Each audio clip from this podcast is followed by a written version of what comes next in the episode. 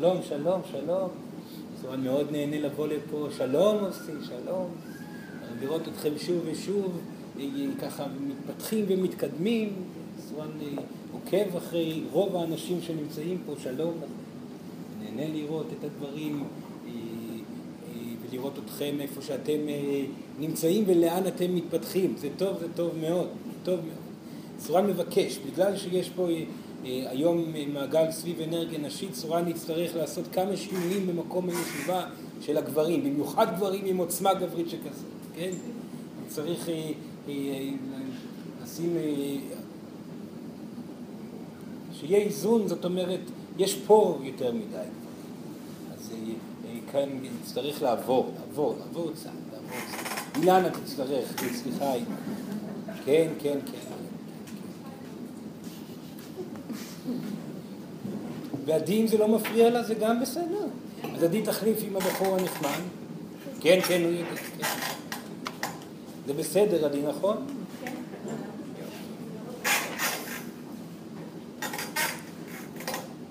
יפה מאוד, יפה.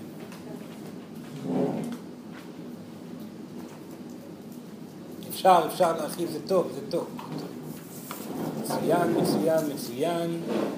יפה מאוד. נפלא, אנחנו יכולים להתחיל.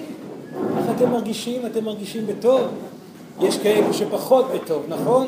הרגליים ילדה, כן, כן.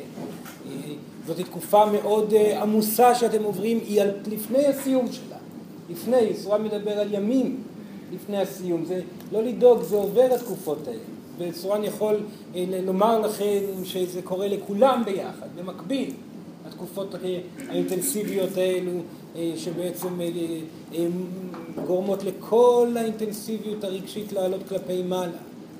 לכל הבעיות הבסיסיות שלכם כבני אדם לטפס כלפי מעלה. זה בעצם דורש מכם לא לעצום עיניים אל מול הקשיים, אל מול הדילמות שאתם אה, מתמודדים איתן. וישנם אנשים שאינם מודעים לדילמות האלה. ולכן קורים בחיים דברים שמנערים את האנרגיה על מנת שהדילמות יעלו כלפי מעלה, והן כולן רגשיות, כמו שסורן תמיד אומר.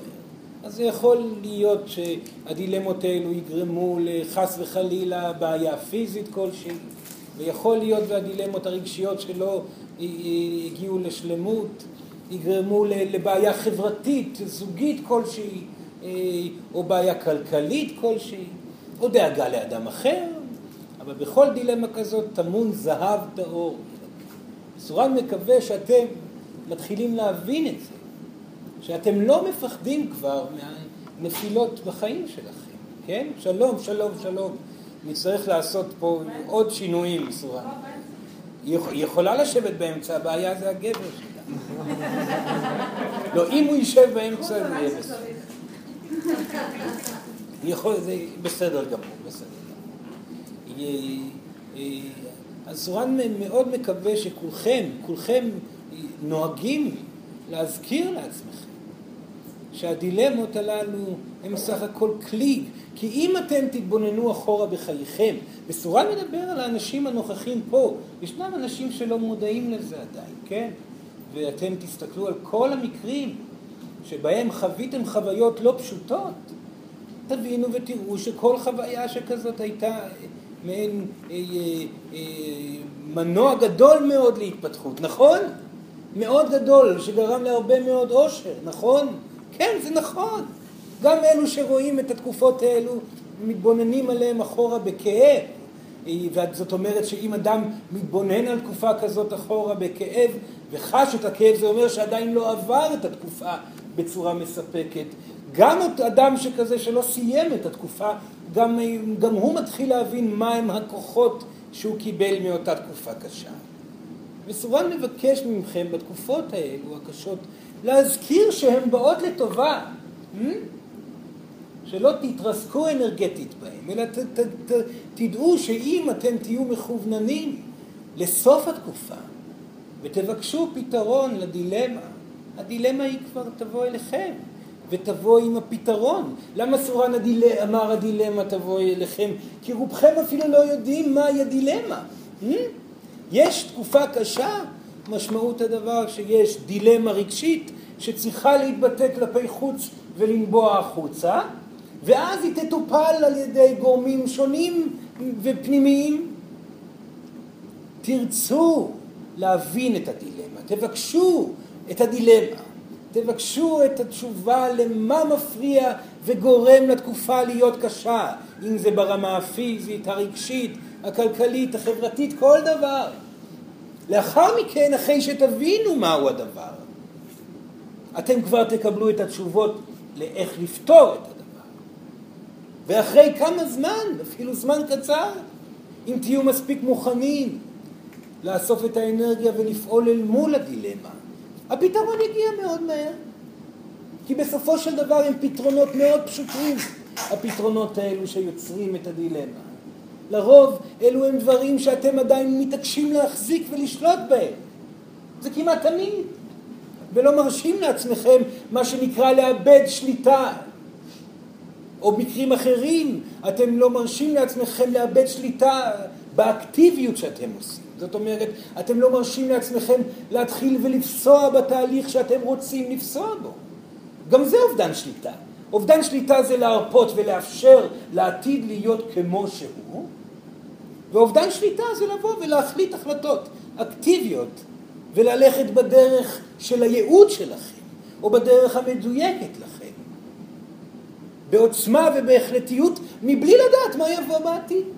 וכל אחד מכם תמיד צריך לנוע בין שתי האפשרויות האלו. האם זה הזמן שלי להרפות, או האם זה הזמן שלי לקחת אחריות ולהרפות תוך כדי?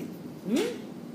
הדילמה הזאת היא קבועה, והתשובה גם כן קבועה. שלום, שלום. אפשר מים, בבקשה, עוד מים.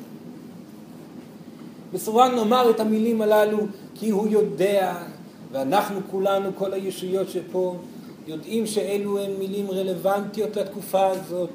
לא לפחד, לא לפחד, אלו הם סך הכל חיים. תהנו מהאפשרות להתפתחות האינסופית שניתנת לכם בחיים הפיזיים שלכם. תודה, תודה. ואל תמנעו מעצמכם להתפתח ולהתקדם. כי המניעה היא סך הכל היא, היא מגיעה לרוב מחוסר אומץ, פשוט מאוד מסוג של פחדנות. ואם אתם תבהירו לעצמכם את אותה עובדה פשוטה, שהחיים האלו הם סך הכל חיים, והם אה, גלגול אחד מיני רבים מאוד שרובכם עשיתם, אפילו אלפים ועשרות אלפים.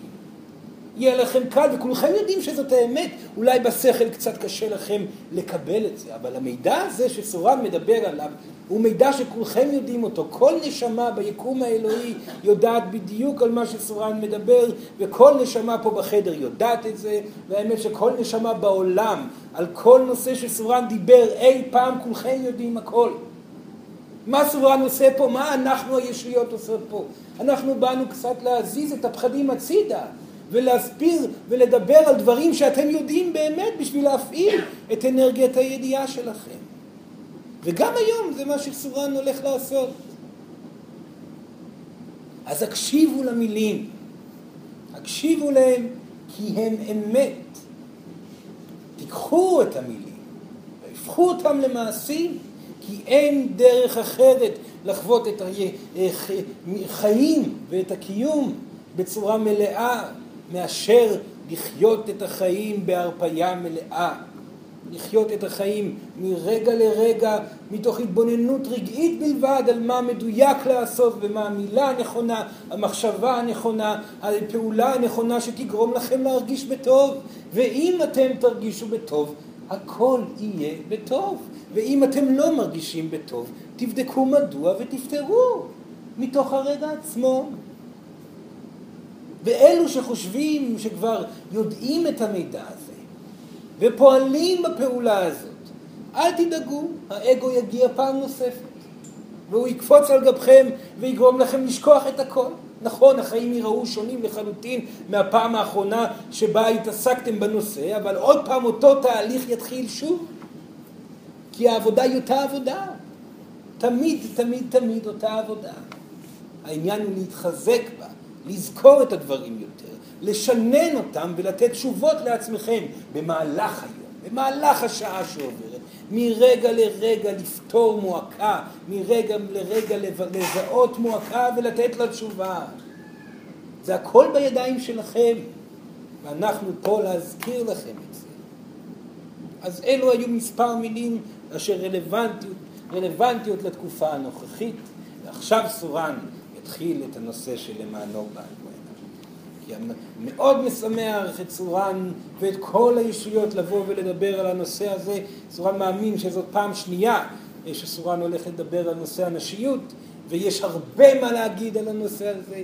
זה נושא שמאוד משמח אותנו לגעת בו, כי אין ספק שבנשיות העולמית, הנשיות, אפשר לכנות את זה מהרבה בחינות, הדמות הנשית החדשה, שהיא באה יותר ויותר כדוגמת האלה, יותר ויותר היא מראה את עצמה ומזכירה לנו את התקופה, את התקופה שבה אנחנו חי, חיינו וראינו את הנשים בעוצמה אה, מאוד גדולה של כהונה. אה, אה, אין ספק שהמקום הנשי הזה, הטהור, המפותח, המאוזן, שאליו רוב הנשים חותרות אליו אם בידיעה או לא בידיעה, זה התרופה הגדולה ביותר לעולם ולמין האנושי.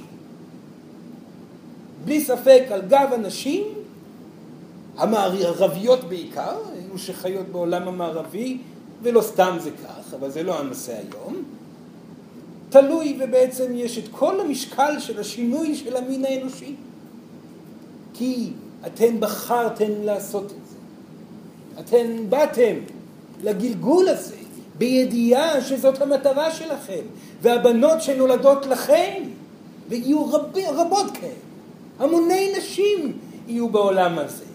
זה יהיה עולם נשי באחוזים מאוד ברורים ביחס לגברים, ולא סתם, לא סתם, כי העולם הזה יספק לאנרגיה נשית את כל מה שהיא צריכה. וכן, זה, זה, זה אה, ייתן הרבה מאוד דילמות לכל אישה שנמצאת פה בחדר ולכל אישה בעולם, והרבה מאוד התמודדויות פנימיות שתצטרכו אתן לפתור בכוח מאוד גדול אך כל פתרון שאתם תעשו יגובה מיידית במגע מאלוהים בעצמה, כי היא אוהבת אתכם.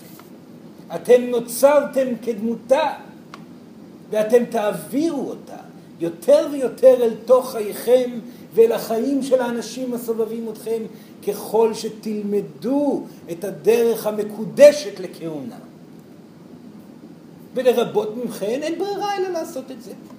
זאת הסיבה שישנם נשים שלא מניחות לעצמן בתקופה הנוכחית להיות בכל מיני מוסכמויות אשר גורמות מיידית לסבל.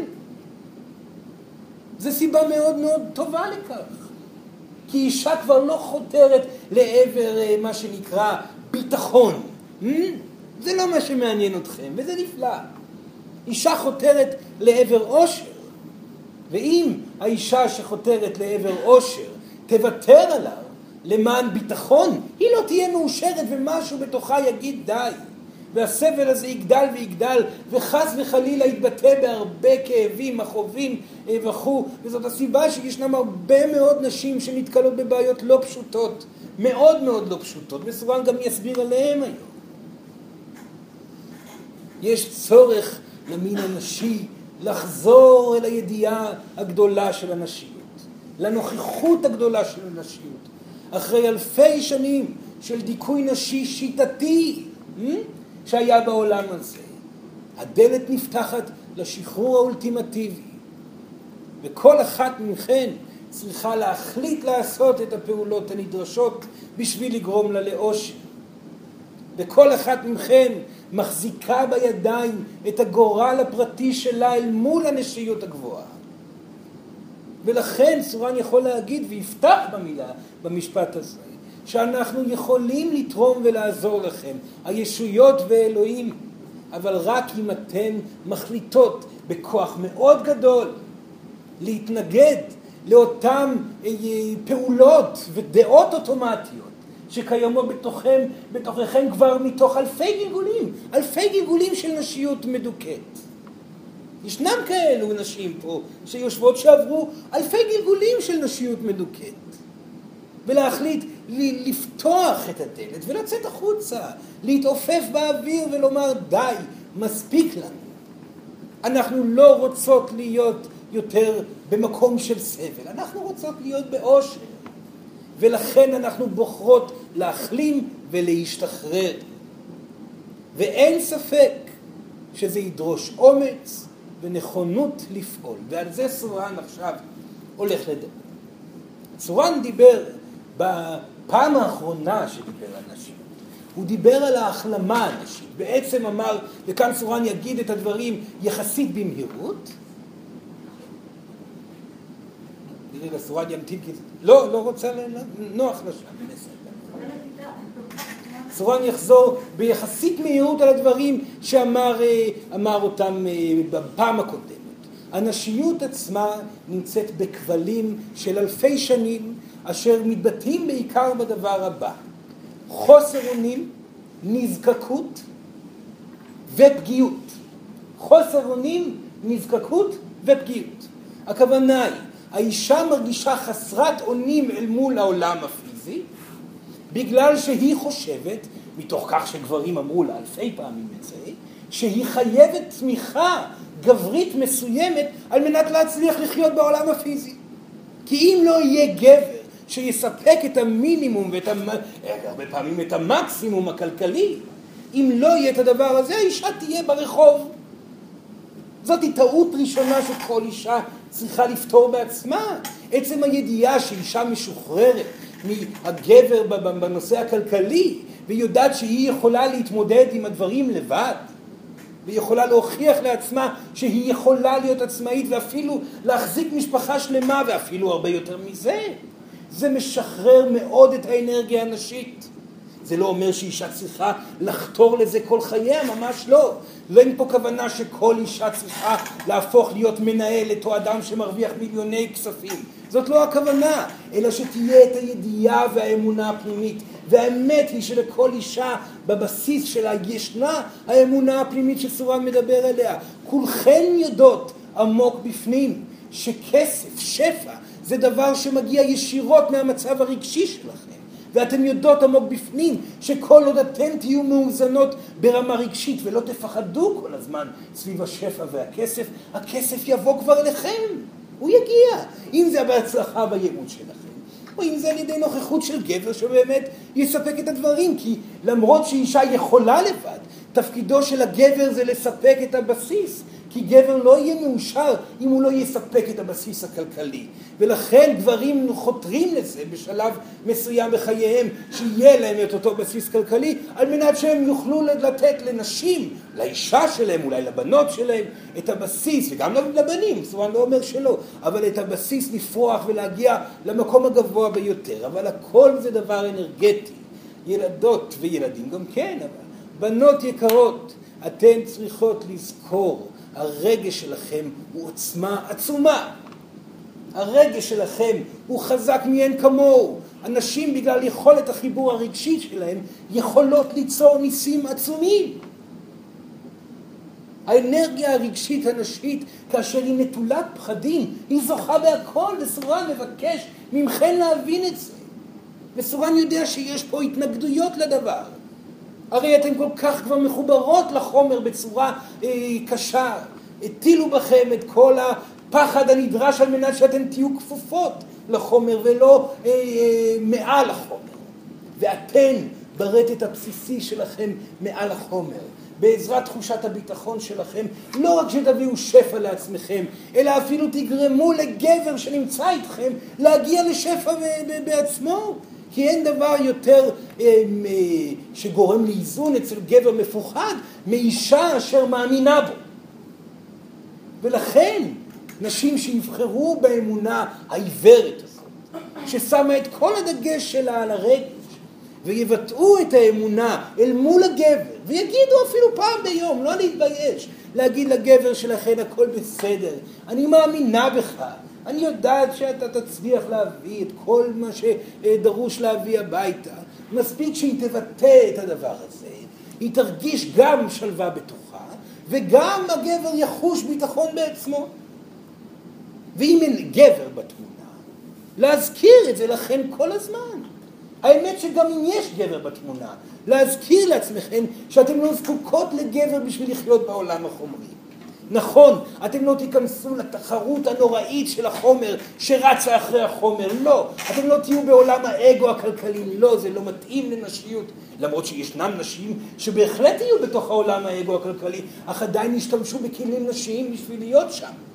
זאת אומרת, הם לא יהיו בתחרות ולא ירמסו אחד את השני, והם יבואו ויפעלו מתוך הדיוק הרגשי שלהם ומתוך הנתינה האימהית והרכות והבחינה הרגשית בכל מילה שיעשו, והם יצליחו מאוד. בהרבה מקומות נשים יהיו רווחיות בעתיד אפילו יותר, ירוויחו הרבה יותר כסף מגברים.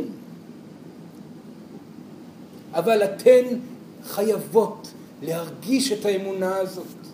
ובכל פעם שעולה רעש מהפחד, להצליח לשים אותו בצד. למה ככה? כי רגש יוצר מציאות, ולא חתירה לעבר מטרות. והנה אתם תחושו בטוב, הכל יגיע אליכם. וכן, אם זה ידרוש מכם לקום ולעבוד על מנת שתרגישו טוב, תקומו ותעבדו.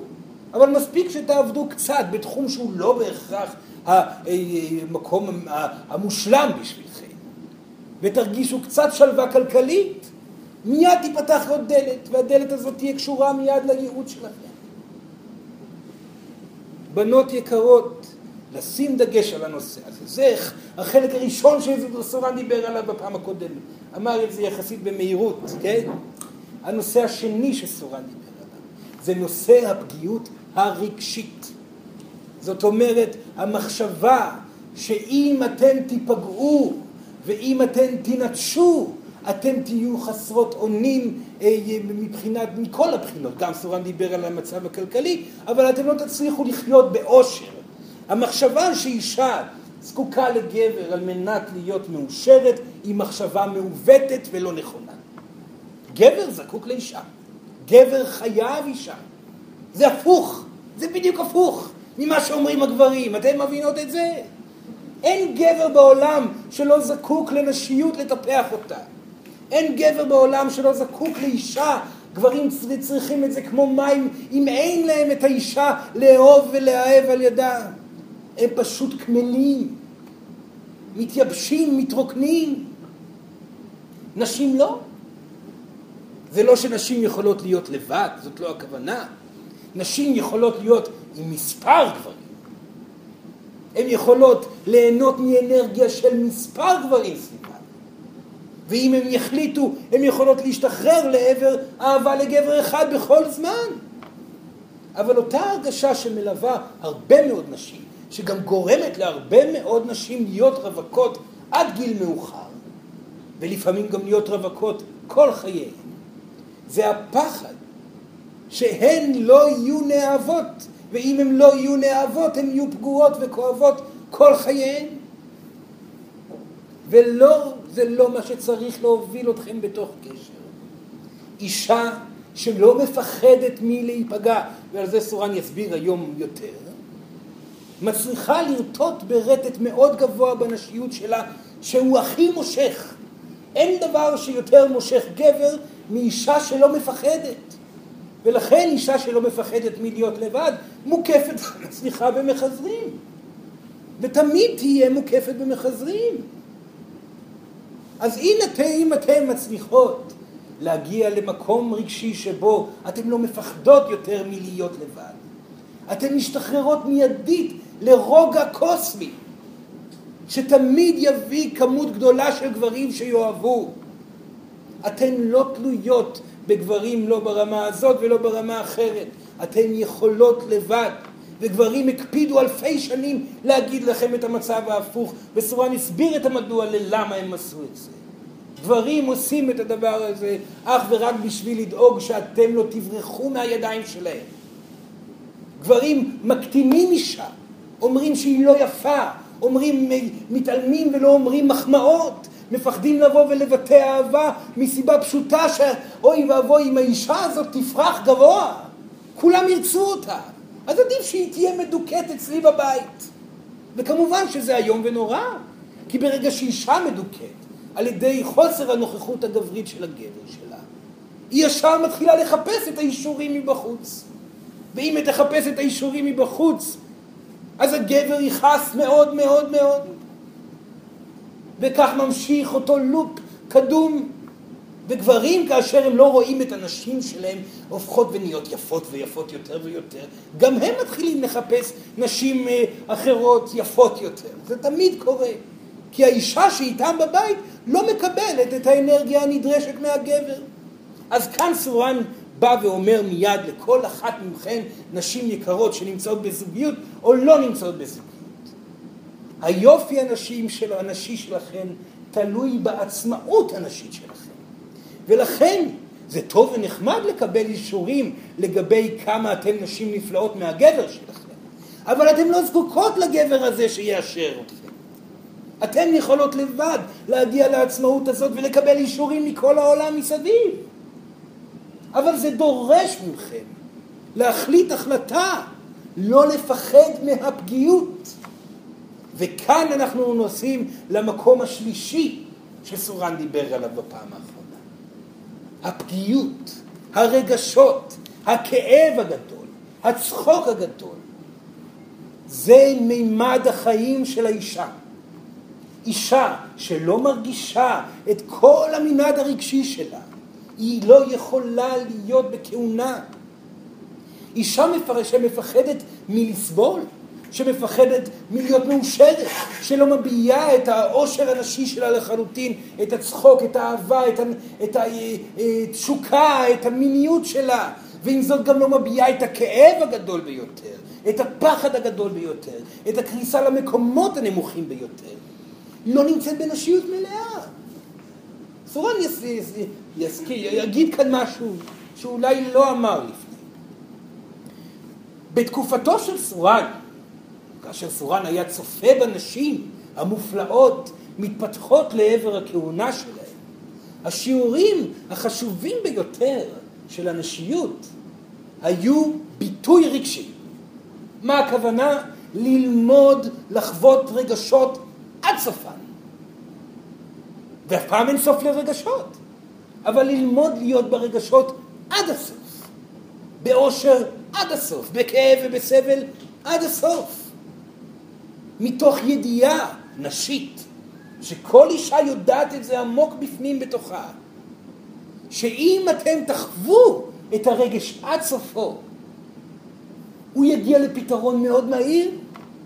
כאן סורל מדבר, מדבר על הרגשות הכואבים, ואם אתם תחוו את הרגש של העושר עד סופו מבלי להתבייש, אתם תקבלו עוד מרווח של זמן ברגש העושר. זאת אומרת, רגש של סבל שמבוטא עד סופו, מתקצר בכמות הזמן שבו הוא נמצא, ורגש העושר שמתבטא עד סופו נותן מרחב עושר רחב יותר ועמוק יותר בכל פעם. לכן הנשים המשוגעות ביותר, שהיו בוכות וצוחקות, נכנסות לדיכאון פתאומי של שתי דקות, אבל דיכאון. ובוכות ובוכות ובוכות, ואז קופצות החוצה לצחוק עד שמיים.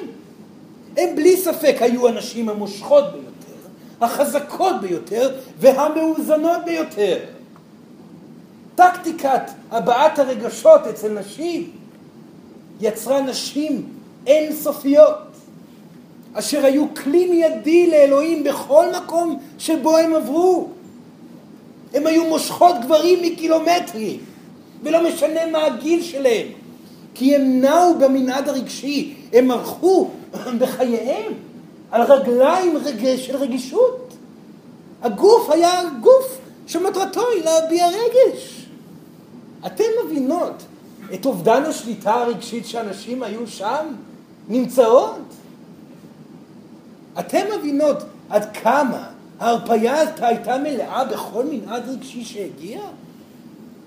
וכמובן שהיו מבדות לא לכאוב אל מול ציבור רחב של אנשים, ולא לכעוס אל מול ציבור רחב של אנשים, נכון, לבד היו נכנסות לחדר, בוכות, צועקות, מאבדות שליטה, וחוזרות בחזרה לחיים שלהם אחרי דקה או שתיים. אך הן היו מרוגשות, והרבה פעמים רואים את זה על נשים צעירות שעדיין לא דיכאו להם את הרגש. ילדות בנות 16, 17, 18, במקרה הטוב מגיע ל-20, 21, עד שמגיע גבר ורומס את כל הסיפור הזה. הן מושכות, בעיקר בגלל השחרור הרגשי שלהן. ואז מגיע הגבר שמפחד שהאישה המופלאה שאיתו תמשוך אחרים ואומר, את משוגעת, אני לא יכול להתמודד עם הבעת הרגשות שלך. את חלשה. ואז האישה אומרת, רגע, אני חלשה? יכול להיות שהוא צודק? ומתחילה להתבלבל. ומתחילה להתבלבל, את משוגעת, זה, זה מאוד מאוד חזק המשפט הזה. לנשים, כי נשים מאמינות בזה. נכון, אני חסרת שליטה, אני משוגעת. אז נכון, אתן משוגעות. וזאת מתנה גדולה. זה לא מעייף להביע רגשות, לא. הבעת הרגשות היא טובה לכם, היא מחזקת אתכם. ההתעייפות מגיעה, וזה הרבה מאוד מהנוכחות פה בחדר, מגיעה מתוך הניסיון התמידי שלכם למנוע מהבעת הרגשות להתבטא החוצה עד הסוף. זאת הסיבה שאתם מתעייפות אל מול הרגשות שלכם. בעוד אם אתם תשחררו את המנעד הרגשי עד הסוף, בדיוק, כמובן זה חשוב מאוד שיהיה במקום הנכון ובזמן הנכון. עושר אפשר לבטא בכל מקום. חוץ מאם אתם עומדות מול קבר של מישהו שנפטר והמשפחה לא, לא מבינה עדיין את המנעד הרגשי, שגם שם אמור להיות, אין סיבה לא לחגוג למישהו שישתחרר סוף סוף הביתה. אבל במקרים כרגע, בתקופה הזאת, אז סורן מקבל, מאפשר. אז אל תצחקו בלוויה, בסדר? וחוץ מזה, אין סיבה לא להיות מאושרות. לעומת זאת, הכאב, הסבל, הפחד, הדאגה, זה אפשר לבטא במקומות נכונים. או מול אנשים שיכולים להכיל את המנעד הנשי הרגשי הזה, או במקומות שבהם אתן יודעות שאתן לבד, ויש לכם את הדקות שלכם להביע את הרגשות הללו. אבל לאפשר לזה לצאת, ולא סתם לאפשר לזה לצאת, לאפשר לזה להישפך החוצה, לאבד שליטה עם הרגשות. החוויה של החיות שלכם תהיה שונה לחלוטין, לא יהיה מועקות, לא תהיה תקיעות, זה יהיה זרימה לזרימה לזרימה לזרימה לזרימה. וכן סורן ראה נשים חיות כך. הוא ראה בחייו נשים חיות כך. וכולכן יודעות שיש אפשרות לכן להיות במקום הזה. אבל זה דורש אומץ גדול. כי אתם לא תהיו בשליטה, וזה אומר שאתם לא תדעו מה יבוא ל- ליום מחרת, וזה אומר שאתם לא תתכננו יותר מדי דברים, ואתם לא תהיו מודאגות לגבי העתיד, וכן זה אומר שאתם תלכו הפוך מכל מה שהאנרגיה הגברית הציעה לכן ללכת עד כאן באלפי שנים האחרונות. אבל מה כן זה יעשה? זה יעשה אתכן מאושרות, וזה הדבר החשוב ביותר, אתן תהיו מאושרות. והאושר הזה יהיה כמו אור בכל מקום שאתם תלכו. ואם גבר מפחד מזה, הוא לא הגבר שלכם. אם גבר לא יכול להכיל אתכם כמו שאתם, בטבעיות שלכם, ברכות, בהבעה, בחום, באהבה או בכל דבר אחר, או בכאב שלכם, הוא לא הגבר שלכם. לכן, הרבה פעמים סורן אומר ומבקש מכן נשים לזכור את זה. לא להשתנות אל מול גברים. להיות אתם. ולהוריד את החומות המצחיקות ששמתם עליכם אל מול ביטוי הרגשות. את אותו הבעת פנים קפואה, כמו שיש פה כמה נשים שיושבות קפואות פנים, מבט מחושב, ראש נוטה הצידה כאילו ראש ממשלה הם בכלל, ולא אישה חופשייה או כדמות האלוהים. כל הסגירויות האנרגטיות האלה, זה מכאיב לראות אתכן כך, כי רואים עם כל סגירות שכזאת כמה אתן סגורות, כמה אתן חושבות על מה חושבים עליכן, וכמה אתן מפחדות ממה יקרה אם תהיו לבד, או לא יחבבו אתכם, או לא תיראו חזקות. וכל זה יוצר מועקה. וגבריות נשית, אין דבר יותר גרוע מגבריות נשית. חוזק, סורן לא יודע, יש המון נשים כאלה. ולמה יש סרטן השד? זאת הסיבה. ולמה יש פגיעות במערכת המיניות? זאת הסיבה. ולמה נשים מזדקנות מהר? זאת הסיבה. נשים צריכות ואמורות להיות, זה קיים בגוף הפיזי שלכם. יפהפיות עד גיל 200. הפחד, הדאגה, החומות, השריון, שחס וחלילה לא תיפגעו. הוא יוצר את התקיעות האנרגטית הנשית. תשילו את זה מעצמכם. תשימו את השריון בצד ותלכו לרקוד ערומות ברחוב. צורה מדבר בצורה מטאפורית, כן? תעשו את זה, עלולים לשים אתכם בכלא ובעולם הגברי שעדיין קיים. אבל גם זה הולך להשתנות. פתיחות נשית, משמעותה היא אקטיביות בפתיחות, לא נבירה מחשבתית. היא מגע של נתינה, עשייה שמשמעותה היא פתיחות, ולא חשיבה על למה אני עצובה, ולמה אני סגורה, ולמה אני חדה וכואבת וקשה. עזבו את המחשבות האלו, אתם נשים, הפסיכולוגיה היא גברית. תבטאו את הרגש החוצה, את הטוב ביום ואת הרע בלילה שלבד או כמה פעמים ביום כשאף אחד לא נמצא. ואתם תחושו שחרור עצום.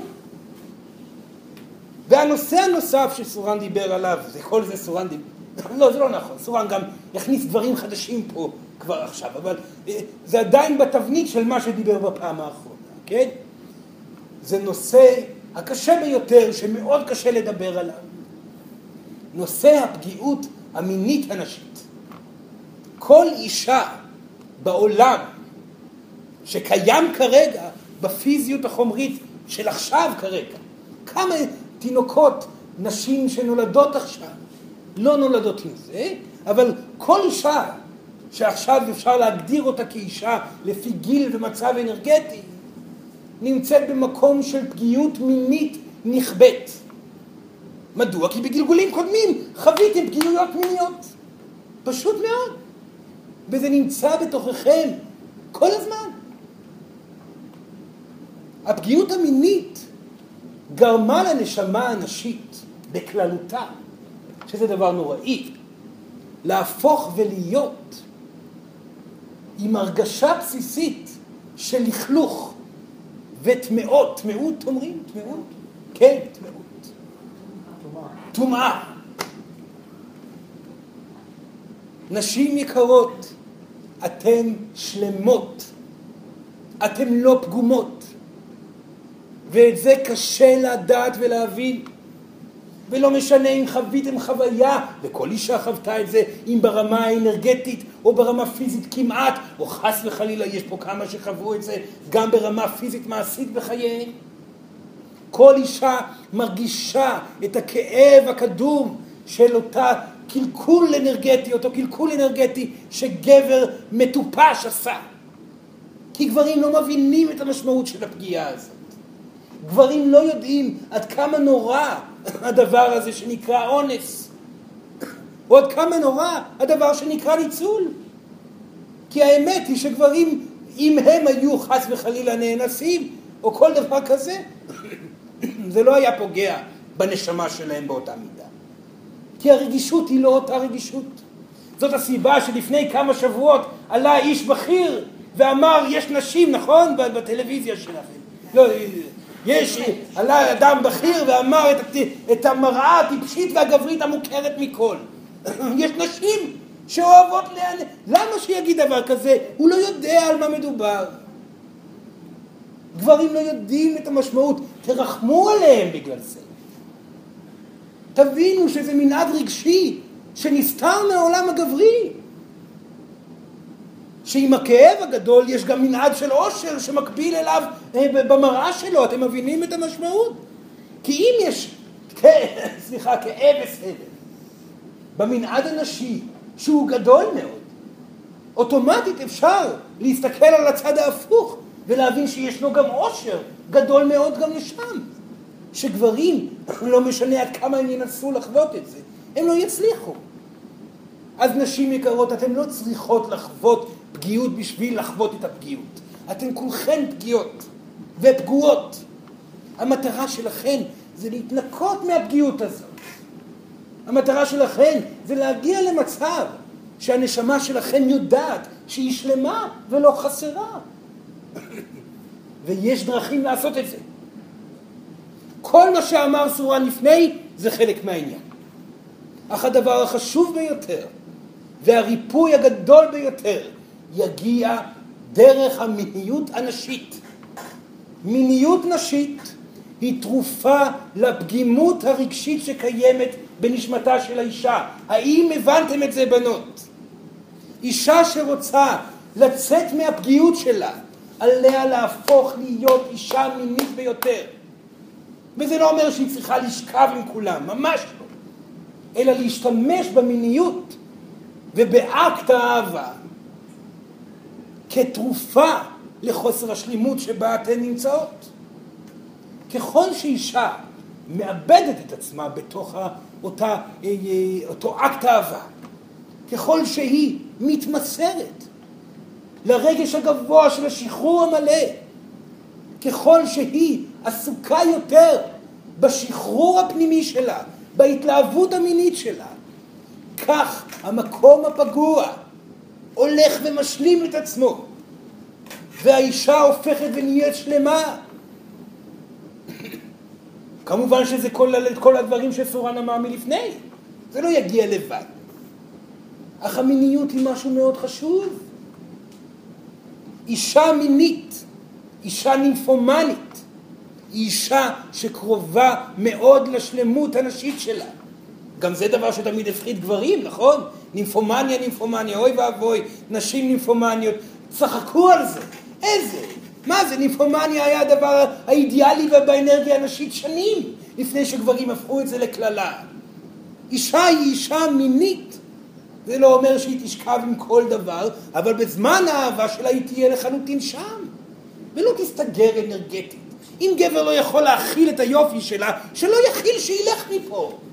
וזאת המשמעות של כל הדת הגברית. מה הדת הגברית עושה בכיסוי האישה?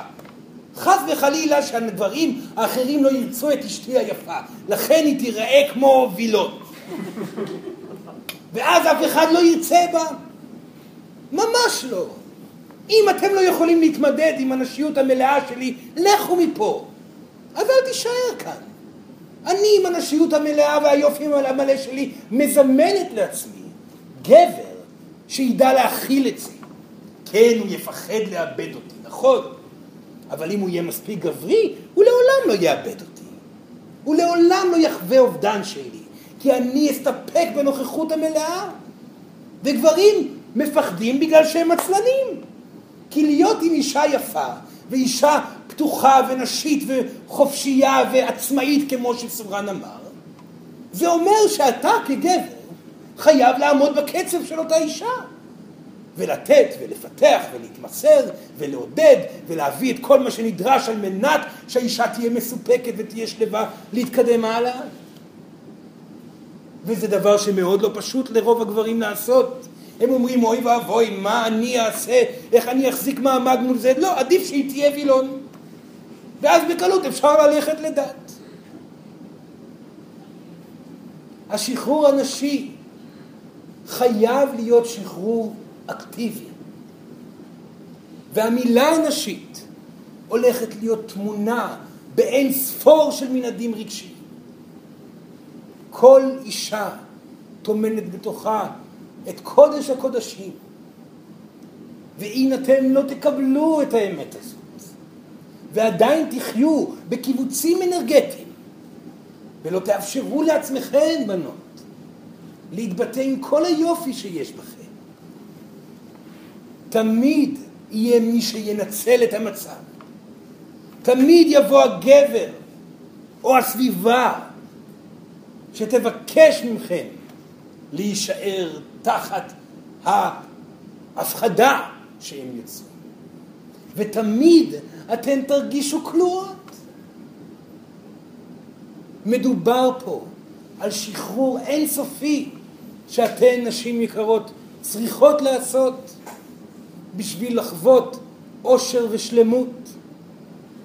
ולכן אתן בתור נשים צעירות וגם מבוגרות יותר צריכות לבחור ללמוד עצמאות, צריכות לבחור ללמוד ריפוי מיני, צריכות ללמוד ולהחליט החלטה, להיראות כמו אישה ולא כמשהו שהוא חלק מאישה. ויש רק דרך אחת לבחור בדברים האלה, לעשות. אז אם יש פה נשים שמפחדות מפגיעות, ולכן הן לא בוחרות בזוגיות, כי הן מפחדות פעם נוספת להיפגע.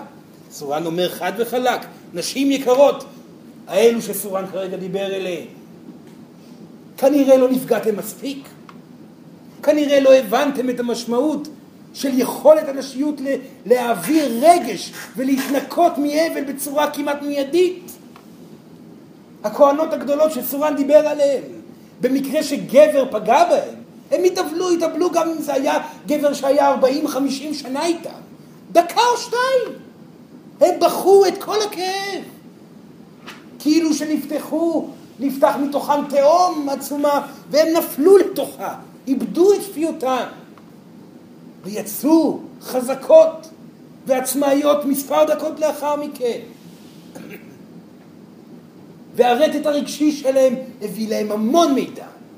והמון יכולות לנתינה. ומיד מתוך זה גם הגיעו גברים חדשים טובים הרבה יותר מהגבר שפגע בהם.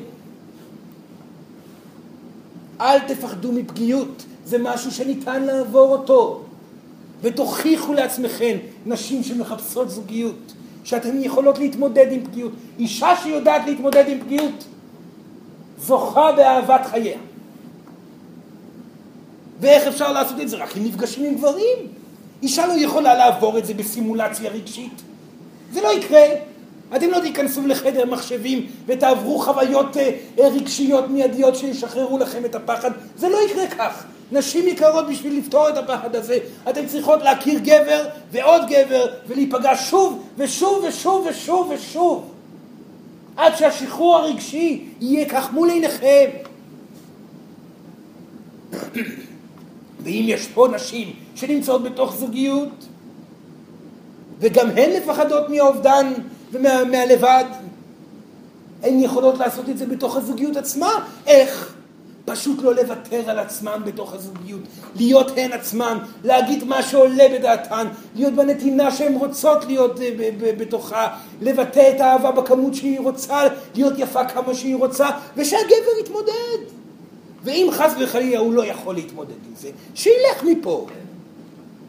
אבל גברים יתמודדו, כי אם היכולת הנשית שמגיעה לעולם הזה בכוח גדול, מגיעה גם יכולת גברית חדשה, שמשמעותה היא התמודדות ויכולת הכלה פיזית ואנרגטית של נשים מפותחות. אז הרבה מאוד מקרים יביאו גברים מצוינים, והרבה מאוד מקרים, לא הרבה יותר, אבל הרבה מאוד מקרים כאלו של התפתחות יגרמו לגברים בלתי, ללא יכולת לברוח, וזה בסדר, טוב מאוד. ומאחוריהם יעמוד ישר גבר רלוונטי יותר. אבל הכי חשוב זה שאתם תכירו את היכולת הרגשית שלכם להתמודד עם כל סיטואציה של קושי, עם כל אבל. וכאן השחרור הגדול. תדמיינו את עצמכם, בנות, מתהלכות בעולם הזה ללא פחד הפגיעות. שאתן לא מפחדות מלהיפגע, שאתן לא מפחדות מלעבור אה, כאבים רגשיים, כי אתן יודעות טוב מאוד לבטא אותם ולהשתחרר מהם בצורה מלאה ומיד להגיע למקום החדש והטוב. זה נמצא בידיים שלכן. ונשים רווקות יש להן את הזכות ללכת בעולם הרגשי ולזכות בחוכמה הגדולה הזאת. הרגליים בבקשה. ואם יש פה נשים שמפוחדות מהאקט הפיזי המעשי בייעוד שלהן, אותו דבר. הפחד הנשי פה הוא הכישלון. אז תיכשלו. זה לא יקרה כלום אם תיכשלו. זה סך הכל מהלך רגשי. תבכו וזה יעבור ותהיו חזקות יותר. תשתחררו אל עבר הייעוד שלכם בכוח גדול. כל מהלך רגשי הוא טבעי לכם. תלמדו אותו עד סופו. וכמובן שמיניות צורה נמה. בכלים המעשיים הללו יבצבצו כמו פטריות לאחר הגשם, נשים חדשות שיובלו מתוך הידיעה הפנימית הרגשית שלהם. הן ינהיגו בעולם הזה דור חדש, חינוך חדש, הובלה חדשה בכל התחומים. הן יהיו בלתי מודעות שכלית, אך רגשיים, רגשיות מפה עד הודעה חדשה. הן יהיו מאושרות. וכל אחת מהנוכחות פה בחדר יכולה להגיע לכדי זה. וזה כל, כל העניין הזה נמצא בידיים שלכם בלבד. בסדר, זה הזמן לשאלות כרגע, ולשאול הרבה בבקשה. כן. לומר את השם לפני שאומרים.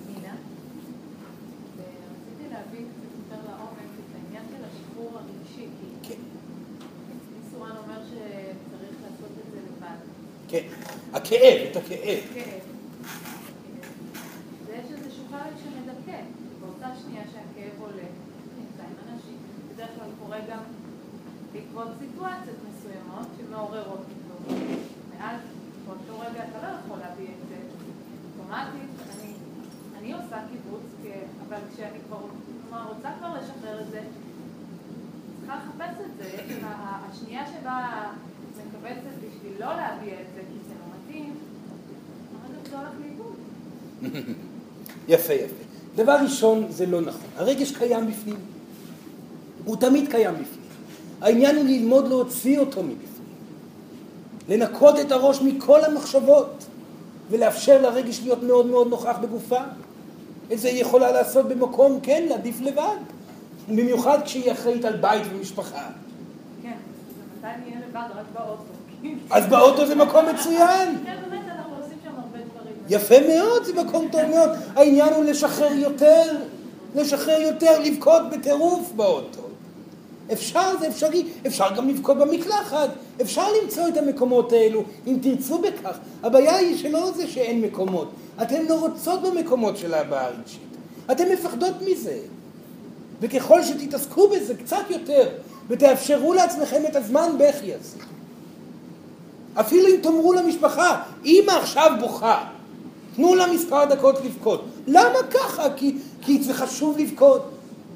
וללכת ולתת את הבכי של כמה הדקות האלו ולחזור מאוזנת. זה אפשרי ילדה, ויש לה זמן לעשות את זה. אז אם היא רואה שעולה רגש עכשיו מיד, והיא יכולה לוודא שהיא יכולה לפנות את הזמן הקרוב, תפנה את הזמן הקרוב. זה כן יעודד את התהליך. אבל העניין שזה קיים בתוכה, ואם היא תשים בראש את כל המחשבות בצד, את כל המחשבות מהראש, היא תתחיל להרגיש אותה מועקה שוב, ואז לאפשר לה לגדול. לא לחנוק אותה במחשבות, בעשייה, לא. לתת לרגע אחד לרגש לגדול ולגדול ולגדול ולהגיד קשה לי, קשה לי, קשה לי, עצוב לי, עצוב לי, עצוב לי, אני מפחדת, מפחדת, מפחדת, מודד, כל מה שצריך לעודד, והרגש יפוץ החוצה בגל גדול מיד ירגיע ויאזן. בסורה נמליץ מאוד מאוד לומר גם לילדים לעשות את זה. אין סיבה לא להתחיל לחנך את הילדים החדשים כבר בזה עכשיו. לומר להם, קשה לכם, תבכו. Hmm? תבכו עכשיו, ואחר כך תבואו להמשיך לשחק ולהיות עם המשפחה. זה משהו שמאוד יעזור לילדים האלה כבר להבין את זה בתור בסיס, ותעשו את זה גם אתם. Hmm? היא יכולה, היא יכולה, היא צריכה אבל להיות מאוד החלטית בנושא. Hmm? כי זה פחד, זה בעיקר פחד שמונע ממנה ספציפית את העניין. כן. כמובן שמדובר על עבודה, אין ברירה, זאת עבודה, עבודה, עבודה, אקטיבית, אקטיבית. כן. אמ, אני שמתי לב שבנשים ונשים הרבה דברים מטופלים. אה, נכון. איך אנחנו יכולות באמת, אה, זאת אומרת, איך אנחנו יכולות לעזור ולהיעזר אחד בשנייה לפי איך שאתה רואה את זה היום. זאת אומרת, אני מבינה מה שאמרת על פעם, שהיו תמיד קשים והיו תמיד קשים והיו כזה, אין לנו את זה כל כך כן. היום. איך אנחנו בכל זאת יכולים... להיעזר אחד בשני. לעזור אחת לשנייה, לראות את הכהנת שנמצאת בהן לצורך העניין. אני מאוד מאוזנת, אני רוצה לתת את זה, אני יכולה לזהות בנשים אחרות, כן, אבל אני כן. רוצה... דבר ראשון, זה, זה הכלי העיקרי לנתינה ברמה שמירי מדברת, הוא כלי של אה, טכנולוגיה. אין ספק שהטכנולוגיה כאן תעזור מאוד בעניין, ולא לפחד מזה. המגע הווירטואלי הוא מגע רגשי. הרבה אנשים רואים במגע הווירטואלי משהו לא טהור, אנחנו לא רואים בזה בכלל. מאז שהתחיל המחשב והתקשורת אה, אה, באינטרנט, כן, וכל הדיבור שאתם עושים כל הזמן, זה, זה עשה מהפכה רגשית בעולם. אנשים סוף סוף יודעים דברים, אנשים סוף סוף יודעים מה קורה אחד לשני, הרגשות מובעים שם בצורה מאוד יפה אם רוצים או לא. יש שם מקום לדיבור הזה. מספיק מחמאה קטנה, אם היא מדויקת.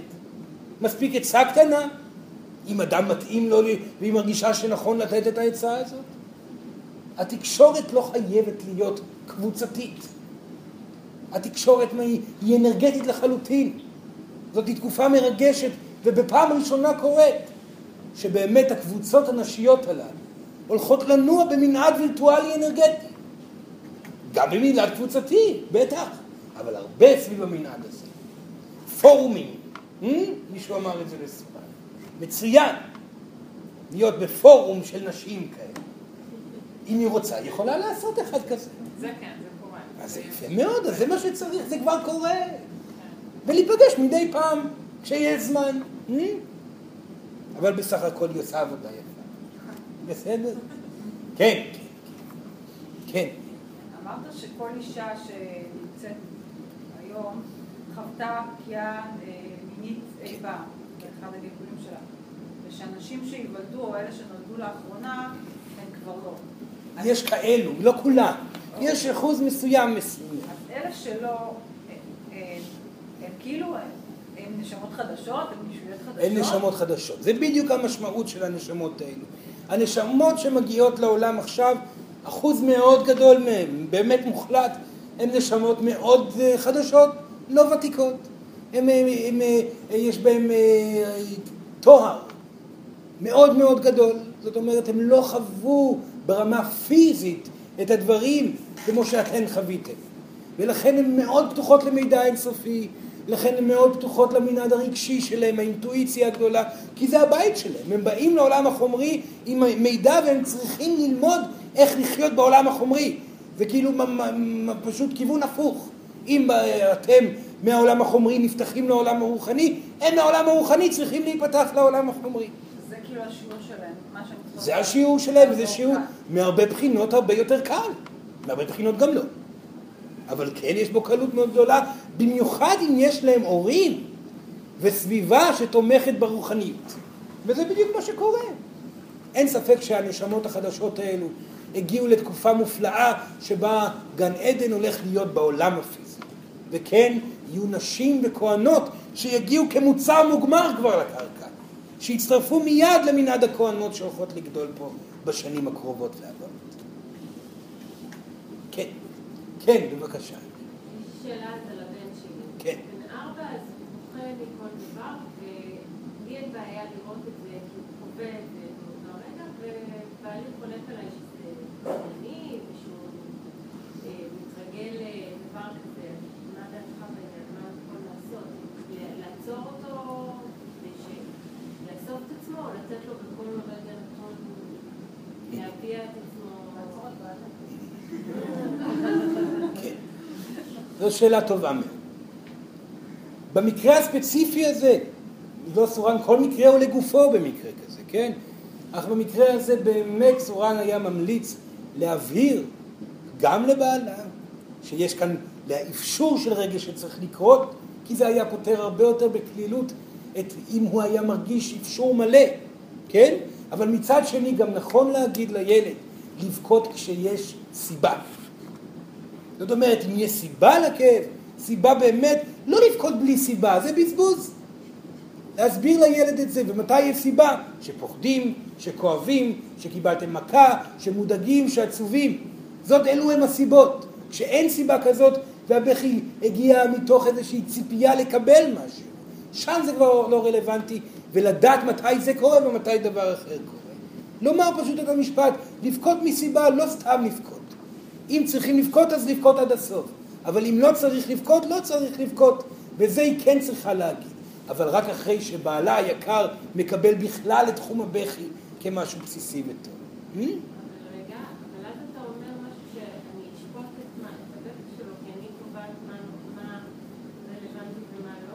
לא, לא, לא, לא. האמרה צריכה להיות בחלל החדר. הילד כבר יבין את הדברים. הדו-שיח צריך להיות לא בזמן הבכי, אלא בימים הטובים יותר, ברגעים הטובים יותר. בסדר? מצוין. כן, כן. כן.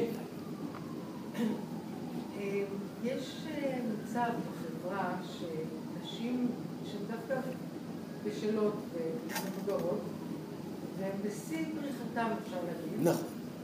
וגברים בגיל הזה יעדיפו תמיד נשים צעירות, כך שיוצא שנשים כאלה, אה, אין להם כל כך לפגוש גברים, גם הגברים תמיד יעדיפו אה, נשים א' צעירות בגיל וגם אה, פחות חזקות נפשית, זאת אומרת פחות כהנות. כן. וסורן אמר שאישה היא עצמאית וחזקה טוב להם עצמה, והיא חיה בשלום עם עצמה ולא צריכה גבר, אז הגברים דווקא מתרגשים מזה. ומגיעים, וזה לא ככה. אז אה, מה... שאני מזדקנת מתחילים. אז זה נראה לי נורא חוויה אישית. כן. יפה, יפה, מצוין, מצוין. התשובה היא פשוטה. אם, אם אין סביבה עשרות גברים, היא לא שם. פשוט מאוד. שם הכוונה במקום שבו ההרפאיה היא מלאה ובאמת הגיעה לנשיות חזקה. כנראה ישנה מגננה, כנראה יש פחד. היא מסתכלת על העולם בצורה גברית. סכמטי, יש 80 גברים ו-100 נשים. זה לא יכול לקרות ככה וככה. לא נכון, העולם לא עובד לפי מספרים. אישה שהרפתה מהפחדים שלה, והיא מביעה חום ואהבה ללא ציפייה, אלא מתוך ההנאה הנשית שלה בכך. תזכה בגברים. לכן ישנם הרבה מאוד נשים שהן חופשיות מהפחדים שלהם ומקבלות את כל הגברים גם למרות גילם המבוגר.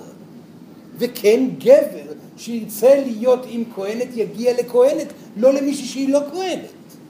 ואם אישה מפחדת מלהתחבר, מלהתאהב, מלחוש את כל האנרגיה היפה הזאת פעם נוספת, גברים יחושו את זה גם כן. אז מי יכול להגיע אליה? רק גברים שלא מפחדים מנשים מפוחדות. ומי זה גברים שכאלו? זה לרוב ילדים. ילדים פה, ילדים שם, או בכלל אף אחד. תלוי כמה האישה פגועה בעצמה. אז לא, כהנת זאת מישהי שכבר לא זקוקה, שטוב לה עם חוסר הנזקקות, שהיא מאושרת בכל רגע שהיא פותחת את העיניים עם הלבדות שלה.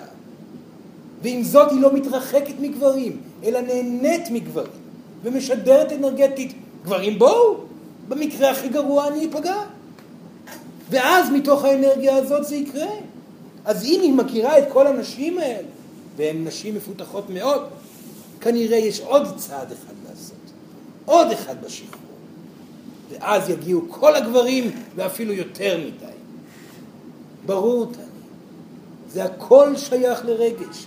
אישה בודדה היא אישה כואבת, אישה משוחררת, בלתי נזקקת, שלמה רגשית ומאושרת, לעולם לא תהיה בודדה.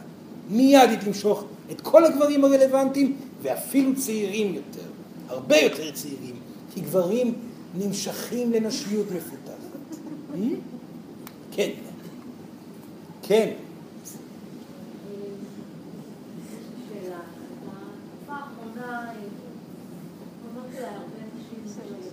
כן. הרבה נושא שחוזר על עצמו של בגידות. כן.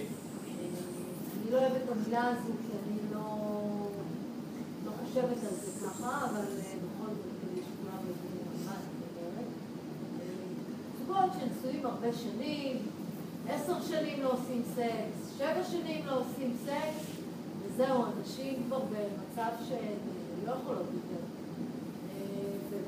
אה, ובאינסטינקט שלי, העצה שלי להם, כמובן התעוררות ועצה, זה, זה ללכת על זה, זה לחגוג, זה ליהנות, זה ש...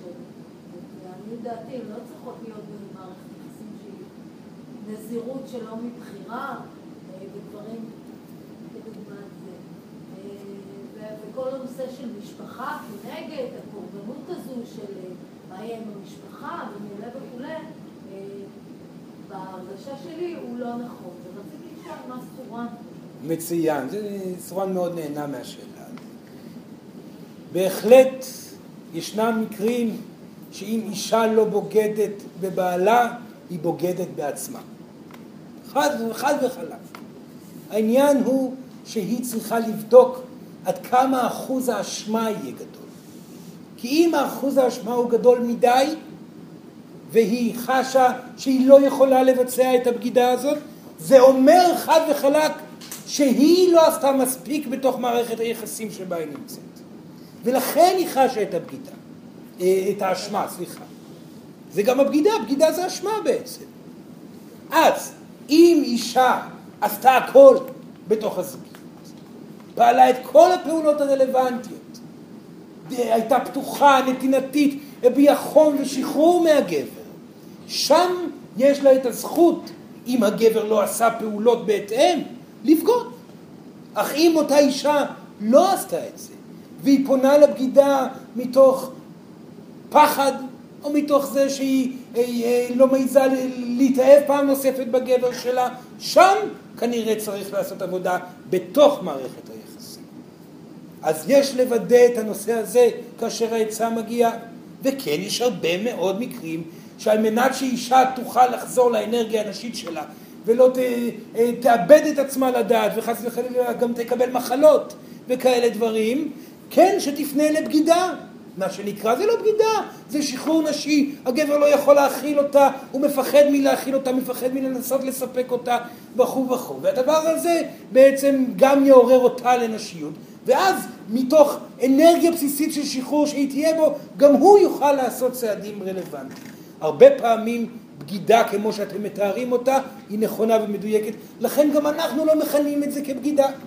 נכון, זה חבל, אם גבר לא היה מספיק חזק בשביל לאסוף את האנרגיה ולדאוג לאשתו בצורה מלאה, זה כישלון שלו. אישה בוגדת ברוב המקרים, לא כולם, אך באחוז גדול מאוד של המקרים מדובר פה על בעיה עם הגבר. וסורן חייב להגיד את זה בצורה מלאה. אלא אם הגבר באמת מכיל באמת מתמסר, באמת עובד את כל העבודה הנדרשת על מנת שאשתו תהיה באיזון ואת כל האבירות שיוצאת ממנו ועדיין אשתו הולכת, זה אומר שהיא מפחדת מהתמסרות בעצמה. ישנם נשים כאלה. אבל ברוב מכריע של המקרים, נשים בוגדות בגלל שהגבר שלהם מפחד לאהוב אותם. ואם עשיתם הכל, זכותכן להמשיך הלאה. ואם הדבר ייתן לכם אנרגיה, וזה מה שחשוב, הבגידה עצמה אצל נשים בסיטואציה זוגית כמו שהיא מדברת, מטרתה העיקרית זה לאסוף אנרגיה נשית ומינית על מנת להפנות הביתה, לגבר. זאת המטרה. ואם היא משתמשת בזה על מנת להפנות אהבה לגבר שלה, מצוין. אם היא מאבדת את עצמה בתוך הרומן שמתפתח, היא תחטוף על זה בסופו של דבר מהאשמה הפרטית שלה. אם היא לא עשתה הכל בתוך הגשר. אז כן, יש לשים לב ודגש לדברים האלו, אך הגישה היא נכונה. Hmm? כן. האם זה גם הפוך? לא, לא, לא, לא. ממש לא הפוך.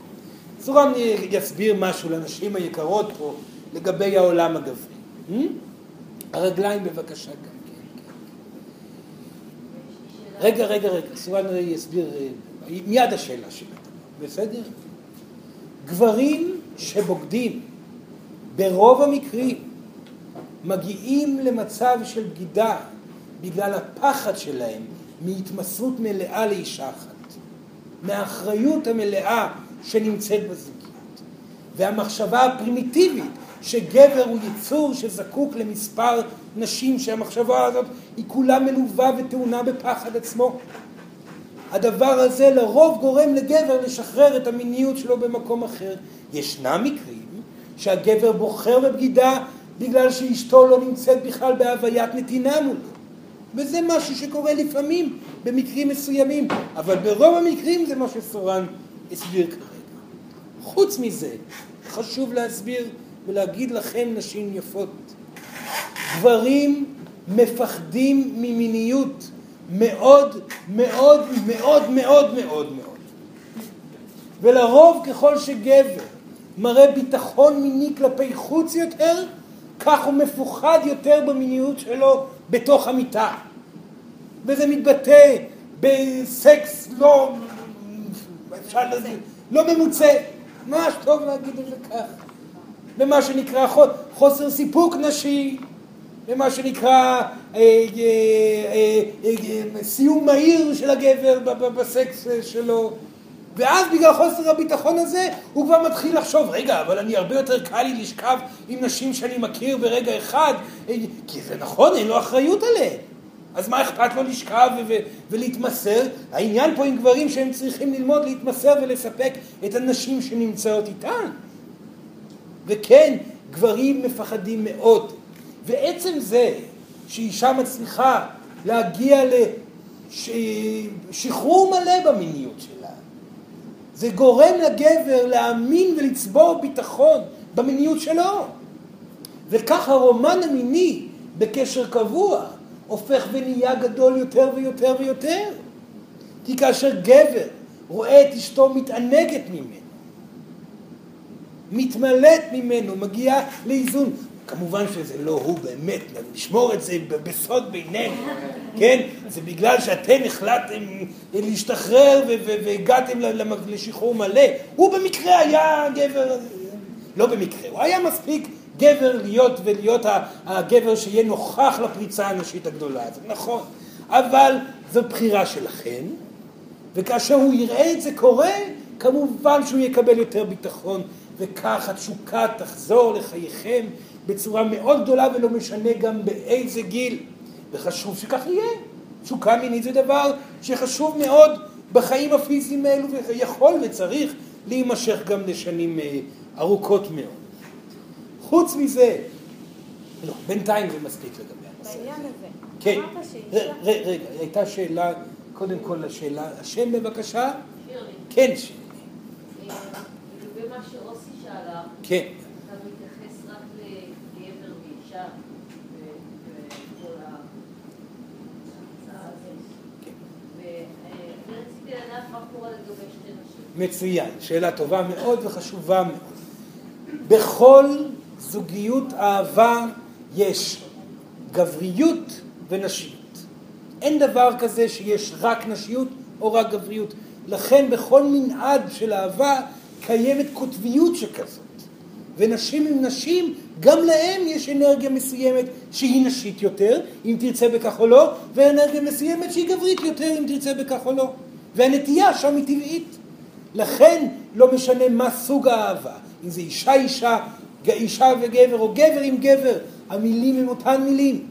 ועליך, על הנשים עליהם, האלה שהחליטו לבחור בנשים בשביל לחוות את הזוגיות המלאה איתן, צריכות להשתמש במילים האלו באותה מידה, ויגיעו לעבר הקוטביות שלהם בצורה מאוזנת ככל שהזמן יעבור. בסדר? אז המילים הם אותן מילים. כן. וכמובן שזה נפלא, אלוהים אוהב את אהבה בכל הצורות, כל הצורות שאפשר, זה טוב, חוץ מהאהבה שמגיעה מחוסר מודעות וניצול. כל אהבה שמגיעה ממודעות מלאה שאין בה ניצול היא אהבה מקודשת ונפלאה. בסדר? כן. כן, כן. אה, אולי לא בהצעה הספציפית הזאת, אבל מדבר על זה הרבה שאי אפשר לדעת אם הגבר הזה זה הגבר שנכון לי, אלא שצריך להתמסר אליו. כן. שמתי לב שאני לא באמת יודעת מה זה אומר אה, להתמסר עד הסוף. אני, המשפט הזה, אני אומרת אותו לכל אישה בערך, אני אומרת אותו לעצמי. אני לא מבינה מה זה אומר בכלל. מה זה? בתכלס. מצוין, מצוין. שאלה נפלאה. מה זה להתמסר עד הסוף? סבורה מדבר עכשיו אל נשים? כי זה לא אל גברים, זה משהו נשי בלבד. התמסרות נשית עד סופה משמעותה התאהבות. אם אתן לא מתאהבות ולא חשות מאוהבות בגבר שלכם, אתם אינכן מסורות עד הסוף. אתם לא פתחתם מתוך בחירה את הלב שלכם לאותו גבר. אז איך מתאהבים? זאת שאלה אחרת. התאהבות לרוב מגיעה מתוך נתינה, מתוך מגע. לפעמים צריך לעשות את זה למרות שהגוף לא רוצה, כי הגוף מפחד מהתאהבות, במיוחד מנשים שהגיעו להתאהבות ונוצלו בגלל ההתאהבות הזאת. אבל אתם לא שם. אם גבר ינצל אתכם בגלל שאתם מאוהבות, אתם תדעו את זה ותצאו ממערכת היחסים הזאת. תתאהבו בלי פחד. תנו ללב לשאוג, לצחוק, להשתולל, לשיר. הסתכלו על הגבר בעיניים ותיתנו לאמת לצאת מפיכם. תחבקו אותו ותגידו אני אוהבת אותך. ואל תפחדו מהתוצאות. התוצאות יהיו נפלאות. תהיה פה התמסרות. ואם הגבר יפחד מההתאהבות, שילך מפה. אך רוב המקרים, וזה סורן מבטיח לאילנה, יעמוד הגבר ויהפוך להיות אביר מול עיניה מהמשפט הזה. כמה זה נפלא לגבר לשמוע את המילה הזאת, במיוחד שהוא באמת נוכח בזוגיות בצורה גברית. התאהבות, הדבר הקשה ביותר. Hmm? כן, אז בעצם כשאתה מדבר על, אה, לגבי השאלה של ההתמסרות, יום אחד דיברת על התמסרות בסקס. כן. אוקיי? ואמרת שאישה צריכה להרפות, להרפות, להרפות, להרפות, ואין, וכאילו אף אחת מהחדר, בבנות בחדר לא הרפתה ברמה כזאת, נכון. תמיד יש לאן להגיע. נכון. מה הגבר צריך לעשות פה? מה זה משנה לה? האם היא מתכוונת לקחת את התפקיד של הגבר? זה לא טוב, זה כיוון לא טוב. גבר יש אחד ואישה יש אחד. ככה הדברים מאוזנים. אבל סורן יענה את זה בשביל הגברים פה, לא בשביל תגיד. בסדר? אם סורן דיבר על הרפייה מצד נשי, גברים, אתם צריכים להתמסר על ידי נוכחות. תסתכלו על העיניים של הנשים שלכם, תתבוננו עליהם, תהיו רק איתם, תקדשו את הגוף הקדוש שנמצא מולכם, תענגו אותו, עזבו את המחשבות על עצמכם, תאפשרו לעצמכם להיות מה שנקרא אבירים עד הסוף. תזהו את המקומות המדויקים ביותר לגעת. תחתרו לעבר שלמות במגע ושלמות בהקשבה ובקצב. תחתרו, תחתרו לעבר שלמות במיניות שלכם. זאת עוד עבודה לגברים, אין מה לעשות. גברים צריכים לעבוד, נשים, הפוך. להתבשר להרפייה, להרגיש כל תא בגוף נפתח, כמו פרחים שמבצבצים בכל מקום. להתענג וליהנות ולהגיע לשיאים חדשים בהתענגות הזאת. ואז לרדת לאהבה הגדולה מבלי לפחד. וכן נכון להגיד לנשים, לאפשר למקרים האלו לקרות יותר. וכן נכון אפילו יותר מזה להגיד לגברים, תעשו את העבודה הנדרשת בשביל שנשים ירצו יותר סקס. כי הסיבה שאישה לפעמים לא רוצה סקס, זה בגלל שהעבודה לא מספיק טובה. ואם הגבר יעשה עבודה מספיק טובה בסקס, היא תרצה יותר ויותר. זה לגבי התלונה החוזרת של גברים שאין מספיק. מה לעשות שאין מספיק? אתה לא מספיק טוב. כמה פעמים אפשר לעשות סקס ולא להרגיש כלום כי היה טוב לו ולא לה, כי כל הזמן הוא חשב רק על עצמו. אז כן, יש פה עבודה משותפת שצריכה לעשות גם בתחום הזה. בסדר? כן. אילנה דיברה על התמסרות וענית על ההתמסרות על ידי התאהבות. כן. ואמרת שזה הדרך הנשית. נכון. תוכל לדבר על הדרך הגברית? זה היה בפעם הקודמת, כן, בקצרה. רק כדי שזה יהיה. כן, כן, כן. ההתמסרות הגברית היא להוריד כל מנהג של אגו בתוך מערכת היחסים.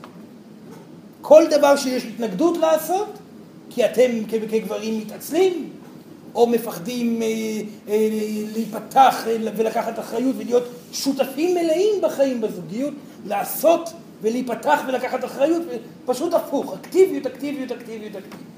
במילים אחרות, לעשות כל מה שאישה אומרת, ועוד יותר מזה. Hmm?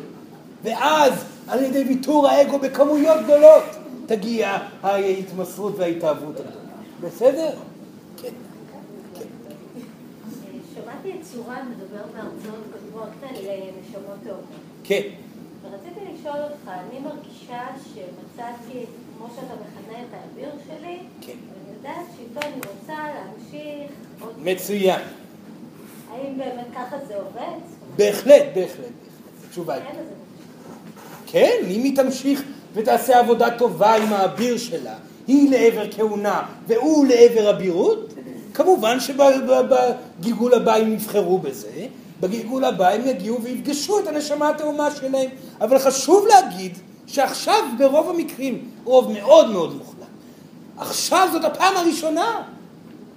אתם בוחרים את, ה, את הנשמה התאומה שלכם, והבחירה כאן היא לא פשוטה, כי אפשר לבחור את כולם.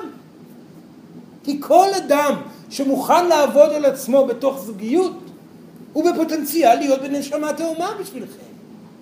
אז אל תהססו עם הבחירה. אהבתם את האדם, אתם מרגישות טוב איתו, מרגישים טוב איתה, אתם משתוקקים, אתם נהנים בחברתו ובחברתה, אתם מאושרים, אתם מאוהבים, אתם לא רוצים לעזוב את האדם, אתם רוצים להיות איתו, זה האביר, זאת הכהנת. אבל זה אומר שבגלגול הבא שלנו בטוח ניפגש? כמובן, אם תבחרו בגלגול, כן. אז יהיה את החיבור הגדול של הנשמה התאומה, והעבודה תתחיל מהמקום שבה הפסקתם בגלגול הקודם. ומתי הבחירה הזאת תהיה? כאילו כשאנחנו כבר לא נהיה כאן, שנהיה... לא, היא? מתבצעת עכשיו. עכשיו כרגע. לא לדאוג, אתם לא תאבדו אחד את השנייה. בסדר? הכל מסודר יפה יפה. בזמן הנכון, בגיל הנכון, אתם תיפגשו אם תרצו, אם לא, אתם יכולים לחוות אחד את השני באין סוף כמה זמן שתרצו. Hmm? כן, בבקשה, בבקשה. כן, מי שאל? טלי. זאת הייתה השאלה? לא, לא, שכחתי את זה. שכחה כבר את השאלה. כן, כן. כן.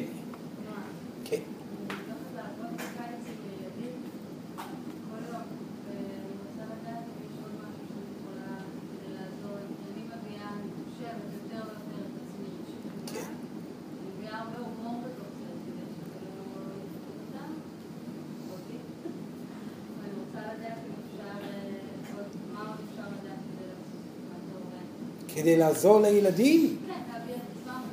Hmm.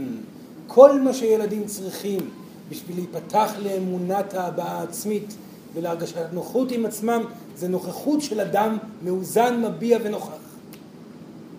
זה הכל. ככל שהיא תהיה שם יותר, כך היא תראה את הילדים מתקדמים יותר. זה בכל תחום, דרך אגב. בסדר? כן, כן, כן, שאלה גבר. כן. אני ביום יום רואה הרבה נשים יפהפיות, כבויות. וכבויות, כבויות. כן. זה ממש מציק לי. נכון. זה מציק, אין דבר יותר מציק מזה מה לגברים. עושים עם זה? מה עושים עם זה? דבר ראשון, הוא לא יוכל לגרום לכולם להיפתח, כן? הוא צריך לבחור אחת. זה בתור התחלה. שיבחר אחת ויחליט לתת לה את כל מה שנדרש בשביל לפתוח את כל האנרגיות שלה. חוץ מזה, הוא כבר ידע מה לעשות. אם יגיעו נשים לכיוונו שיצטרכו תמיכה פה ותמיכה שם, נפלא, הוא ייתן להם את התשובות, וכן הדרך תיפתח לעבר הפתיחות. והוא כבר עושה את זה, סורן חייב להגיד. הוא עדיין לא בחר את האחת. ככל שיבחר את האחת והוא יהיה אביר יותר, כך מעצם הנוכחות שלו הוא יגרום לעוד יותר נשים להיפתח. ככל שהאביר הוא יותר אבירי לאישה אחת, כך הוא מסמל אבירות לנשים נוספות. Hmm? כן, השם. השם כמובן. כן. אני רציתי להוסיף משהו אה, על השאלה של התמסרות, איך מתמסרים עד הסוף. אה, אז האמת שהתשובה לא סיפקה אותי אישית אה, לאהוב, כי... להתאהב. להתאהב, ולפעמים זה- זה לא הבעיה. הבעיה היא באמת להרגיש ו- ולתת למישהו לאהוב אותך. כן. אותי. לתת למישהו לאהוב אותי. כן. זה התמסרות. להאמין למישהו ולתת לו לאהוב אותי. כן. אה, זה מרגיש לי יותר חזק, אני לא יודעת אם אה, זה מדבר גם לעוד נשים פה, אבל אה, להתאהב ולתת זה קל, זה כאן. זה קל, מאוד קל. בלי ספק, חשוב מאוד ללמוד לתת למישהו, לתת לה. זה בלי ספק דבר חשוב. אבל סורן, בסדר, סורן שמח על כך שהיא אמרה את הדבר הזה. ברוב המקרים סורן יכול להגיד בביטחון שהפחד מקבלה והפחד מלקבל באופן כללי זה אותו פחד שרווי ונמצא בתוך ההתאהבות עצמה. אדם לא מוכן לקבל ולא מוכן לאפשר לקבל לה לקרות על מנת שהוא לא יוכל להתאהב על זה. וההתאהבות הזאת שחסרה לאותו אדם שלא אה, אה, מקבל, הפתרון לא יגיע מתוך הקבלה, הפתרון יבוא מתוך הנתינה. אז הדלת תיפתח גם לקבלה. אבל בסדר גמור, זה טוב שאמרה את הדברים שאמרה. ההרגשה עצמה תצטרך לרוב להגיע בגלים גדולים מאוד מתוך הנתינה עצמה, אז הרבה יותר קל לקבל. כאשר מקבלים לבד ואטומים בפתח הלב, אז כנראה לרוב הדברים יחלקו מהצד. כשההתאהבות כבר קורית, אז קל פתאום לקבל. הקבלה היא מגיעה כמשהו טבעי. וזה דבר, זה נכון, צריך גם לעבוד על קבלה, אך ההתאהבות עצמה היא בהחלט כלי טוב גם ללימוד על קבלה. שני הכיוונים טובים. Hmm? כן. שאלה אחרונה. שאלה אחרונה. כן, כן. סורן, אני רציתי לשאול, אם יכול להיות מצב שיגיע אביר שהוא שהוא לא בנוי להיות אביר, שהוא רוצה להיות אביר, אבל הוא נשוי או משהו כזה? אם יגיע, סליחה, אביר נשוי. בסדר, סורן, סורן הבין את השאלה, סורן הבין. סורן הבין את השאלה ויענה. זה מאוד מאוד חשוב, מאוד חשוב. כאשר מגיע אביר נשוי, משמעות הדבר שכאן נוצרת דילמה לכהנת שבוחרת בה. בגלל שהיא מהאביר הנשוי מגיע והוא לא מוכן לוותר על הכל בשביל הכהנת, הוא לא באמת שם, הוא לא באמת אביר.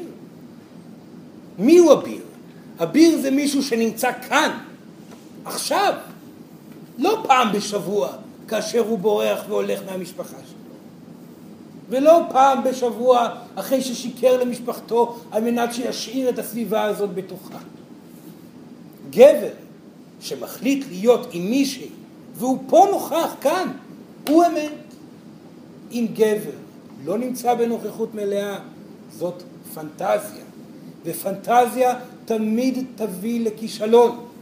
נשים, אל תסתפקו בגברים שהם פנטזיה, שהם נוכחים ולא נוכחים, שהם כן חיים חיים כפולים. אלא אם אותו גבר, אביר, שנול... שהגיע מזוגיות אחרת, מוותר על הכל, מרפה מהכל הכל הכל, ובוחר לקדש אתכן ככהנות. מישהו.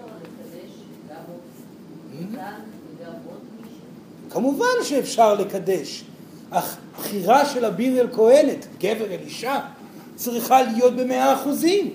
ואם הוא בחר באישה אחרת, ונוכח עם אישה אחרת, אז שישלם מזונות למשפחה שלו, שיהיה ידיד טוב של אשתו הקודמת, שידאג לילדים מפה עד הודעה חדשה, זאת נוכחות. כי גבר לא יכול לעזוב את חייו באחר... מאחריות, לא, הוא ייקח את כל האחריות על חייו, אך יקדש אישה אחרת. אבל לא ישחק את משחק הים יבשה. Hmm? פה ועכשיו פה ועכשיו פה. מצב כזה זה בעצם, אה, ונשים שמתאהבות בדברים כאלו, בעצם נמצאות בחולשה ובוכות בזה מתוך חולשה. אבל אתה אומר, היא צריכה להיות חזקה, האישה צריכה להיות חזקה, לא להרגיש שהיא נזקקת לה. נכון. אז יכול להיות שדווקא במצבים האלה, בגלל שהיא מרגישה שהיא מספיק חזקה ולא נזקקת ולא צריכה, הכי טוב לה עם הדבר הזה.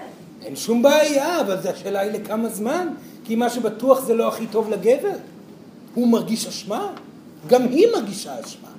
אז אולי זה טוב לשבוע-שבועיים. אך לפתח פנטזיות, לרצות בכך שכן תהיה זוגיות אמיתית, אם הגבר לא יכול לספק זוגיות שכזאת, זה כבר לא נכון. ברור? שבוע, שבועיים, חודש, חודשיים, שנה, אם האישה ממש מוותרת על עצמה לחלוטין, אבל כמה זמן צריך? כמה זמן אפשר? זה חטא פנימי רגשי לשני המקומות. Hmm? גם מבחינה אתית, סולידריות ל- ל- your fellow כהנת, כאילו, שם גם אישה, מאוד, מאוד צודקת. מאוד צודקת. בגלל זה סורן אמר, יש כאן אשמה. גם האישה שחוברת לגבר, היא חשה אשמה כי היא נכנסת לח... בלי ספק נכון. מאוד מאוד נכון. לחלוטין. זה צדק מאוד מאוד גדול. בהחלט, בהחלט. כן, אני רוצה לחזור להתנהגות. כן, מספיק נשים שאני מכירה, כן. אני לא מבינה איתו, שמתאהבות בערך בכל דבר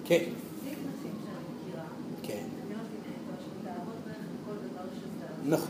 מאוד מאוד בקלות. נכון. או ב- באחד הלא נכון, ודווקא בנכון. לא מתאהבות, נכון. לא, לא, לא. כל סורן אחד- יסביר, סורן- לא צריכה להרחיק, יש נשים פה בחדר שזאת בדיוק הבעיה.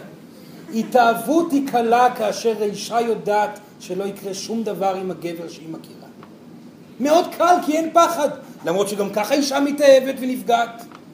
אישה שבוחרת שוב ושוב להתאהב בילדים ולא באבירים, תיפגע שוב ושוב, וזה קורה המון פעמים.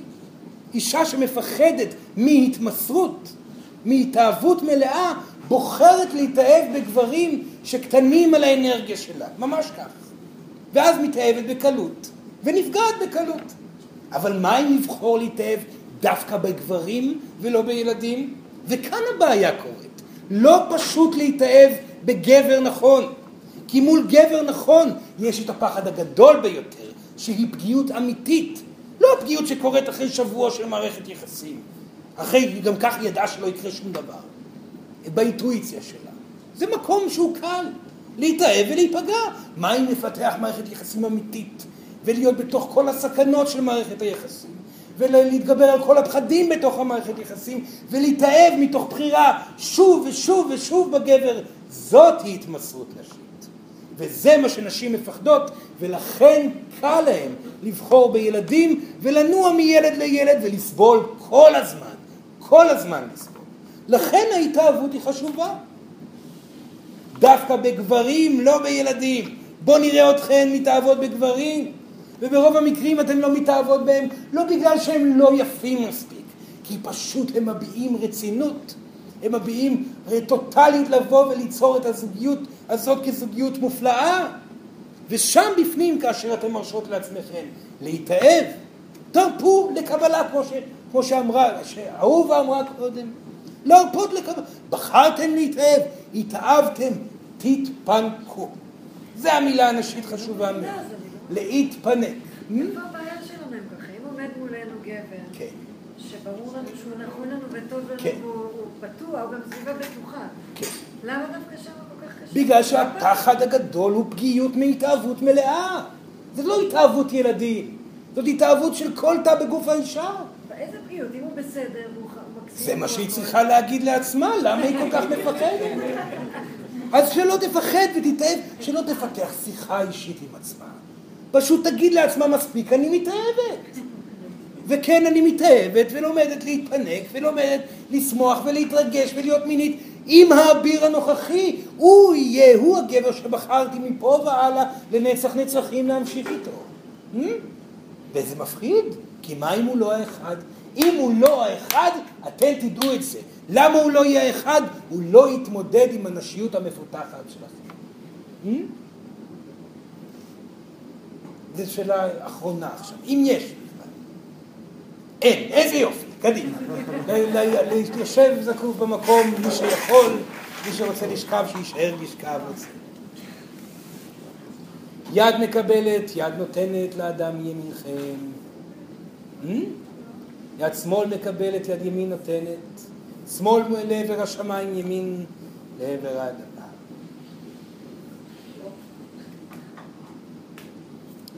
לעצום עיניים בבקשה, לעצום עיניים. ושלוש שאיפות עמוקות. שאיפה ראשונה.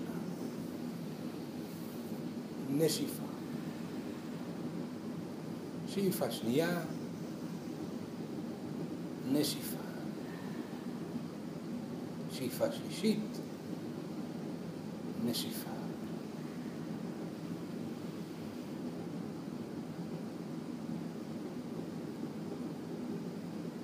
סורן מבקש בעיניים עצומות לאפשר לעצמכם, נשים יקרות, גם גברים, אבל בעיקר נשים, להרגיש את גופכם. תרגישו את הגוף שלכם. תרגישו את המקומות שבהן אתם כבויות, סגורות או כבויים וסגורים. מקומות שבהם אתם רוצות להשתחרר ולהיפתח. ותדמו כל מקום שכזה שאתם מרגישים, אם זה ברגליים, בבטן, בחזה, בצוואר, במצח, בעורף, בגב, נפתח כאילו פרח פורח.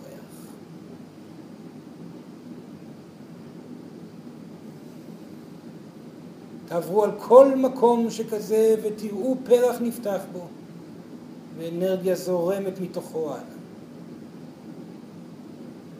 ואז תתחילו לראות את הגוף עצמו נפתח כפרח.